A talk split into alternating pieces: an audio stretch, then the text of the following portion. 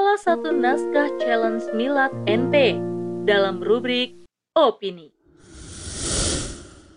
Salah pandangan hidup, terjebak gaya hidup oleh Kenny Rahayu. Pemuda hari ini lekat dengan teknologi.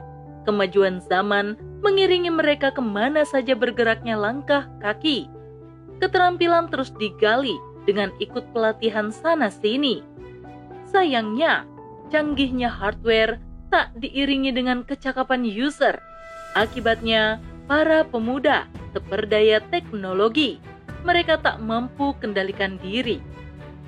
Dalam wasilah teknologi, pemuda gagap masalah ekonomi. Dari uang elektronik sampai pinjaman online, semua menghantui. Awalnya abai, lama-kelamaan penasaran. Eh, setelah dicoba, ketagihan. Semudah itu daftarnya. Semudah itu pula goyah hatinya. Belum lagi iming-iming diskon yang tinggi, menggelitik rasa tak mau rugi. Lihat data pengguna pay letter di Indonesia.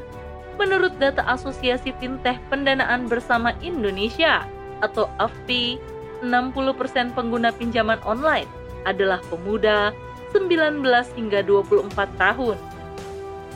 Gara-gara teknologi pula, pemuda meresahkan masa depan. Kehidupan influencer menampilkan kesempurnaan dan memicu kerendah dirian. Pemuda pasang angan, hidup pasti lebih mudah andai kata tombokan uang ada di genggaman. Begitulah mereka mendefinisikan kehidupan. Sekolah online di masa wabah COVID-19 menyisakan titik merah di lain sisi. Perginya pandemi ternyata tetap tidak memantik motivasi belajar anak muda hari ini. Lihatlah Bonge dan kawan-kawan dari SCBD yang ramai kapan hari. Tawaran beasiswa ditolaknya, sebab menjadi artis di media sosial lebih menjamin hidup daripada duduk di bangku sekolah. Bertahan hidup sudah rumit, tidak perlu ditambahi dengan omelan guru karena tugas yang tak pernah diinginkan itu aplikasi kencan online menumbuh suburkan perzinaan. Friend with benefit memfasilitasi hasrat hidup sesuai keinginan. Katanya, teman kencan gak harus suami atau pacar kan? Ada crush yang siap mendampingi mereka, menghabiskan waktu bersama, sembari mengobrol tentang masa depan yang belum tentu dimilikinya. Naif sekali ketika ditelusuri uang jajannya dari utang bahkan hasil jual diri. Nauzubillah min zalik.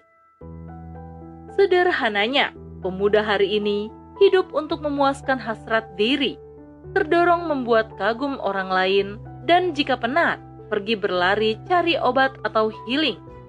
Lebih aneh lagi, semua penyakit itu ternyata mereka buat sendiri. Kenapa bisa begitu? Sebab keputusan yang diambil seringnya sembrono tanpa perhitungan matang. Mereka tak benar-benar mengerti pilihan-pilihan hidup yang diambil sejatinya untuk apa. Hal yang lebih penting pula, bagaimana cara mudah dan aman menjalaninya, tak tergambar di benak mereka.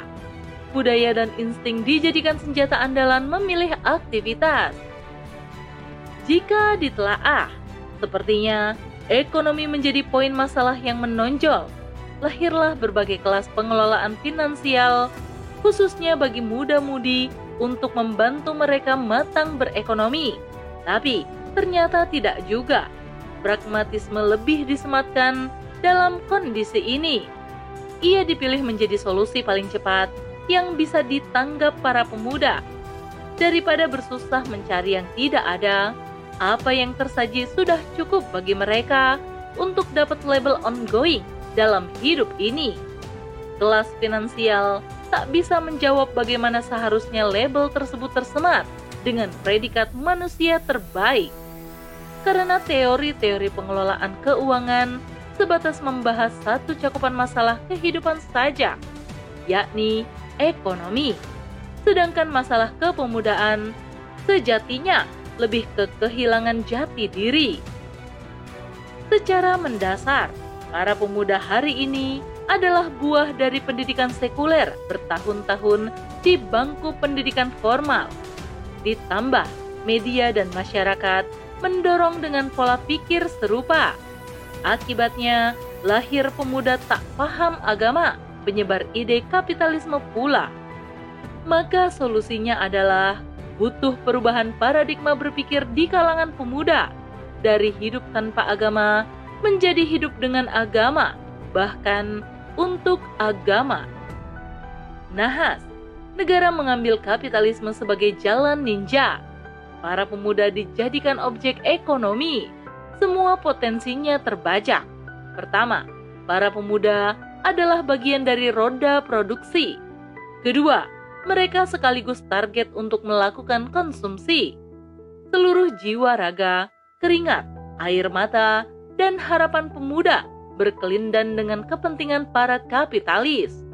Kaum muda sedang menangis, para kapitalis tertawa bengis, gemuk kantung emas mereka jika kesuksesan hari ini dinilai dari segi materi, maka kesalahan pikir ini harus dicabut dan diganti.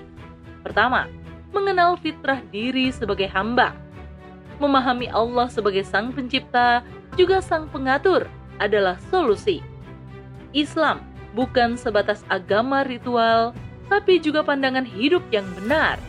Kemantapan akidah Islam wajib ditanamkan ke jiwa pemuda segala keresahan mereka hari ini bukan tidak berdasar. Sejatinya, mereka lupa peran agung Tuhan yang Maha Besar. Kita hanyalah hamba yang wajib menjalani game kehidupan ini sesuai aturan main. Hanya itu saja caranya jika kita ingin menang. Aku tidak menciptakan jin dan manusia, melainkan agar mereka beribadah kepadaku Quran Surah Az-Zariyat ayat 56.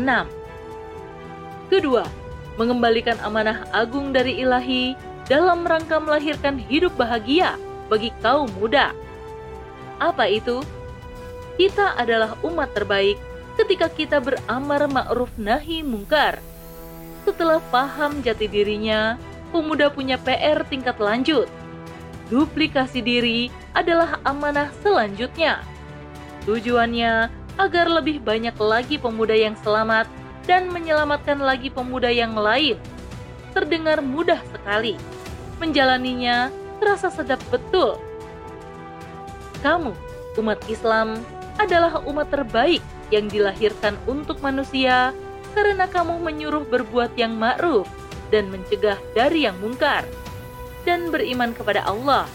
Sekiranya ahli kitab beriman, tentulah itu lebih baik bagi mereka. Di antara mereka ada yang beriman, namun kebanyakan mereka adalah orang-orang fasik. Quran Surah Ali Imran ayat 104 Ketiga, pemuda wajib menjalankan Islam secara praktis dan total. Lahirnya pemuda egois, apatis, dan pragmatis bukanlah tiba-tiba. Mereka adalah bentukan sistem kapitalisme tidak akan apple to apple jika sebuah sistem kita lawan dengan kesolehan individu saja. Maka, lebih layak jika kita menyiapkan sistem tandingan untuk lahirnya sebuah peradaban. Peradaban yang lahir tidak lagi memandang kemuliaan manusia dari segi materi, melainkan dari ketaatan pada ilahi. Teori ini sejatinya telah diserukan Allah dalam ayat cintanya Wahai orang-orang yang beriman, masuklah ke dalam Islam secara keseluruhan, dan janganlah kamu ikuti langkah-langkah setan. Sungguh, ia musuh yang nyata bagimu. Quran Surah Al-Baqarah ayat 208 Khotimah Kebangkitan pemuda bukan sebatas perkara fisiknya saja. Teknologi boleh canggih, tapi isi kepala ternyata lebih penting dari itu. Mari belajar dari Rasulullah Muhammad Wasallam.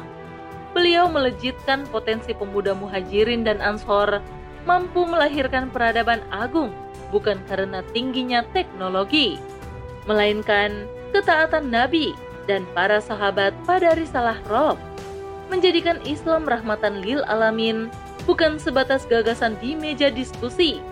Cahaya peradaban Islam terbit dari Jazirah Arab, menerangi hampir dua per 3 wilayah di dunia.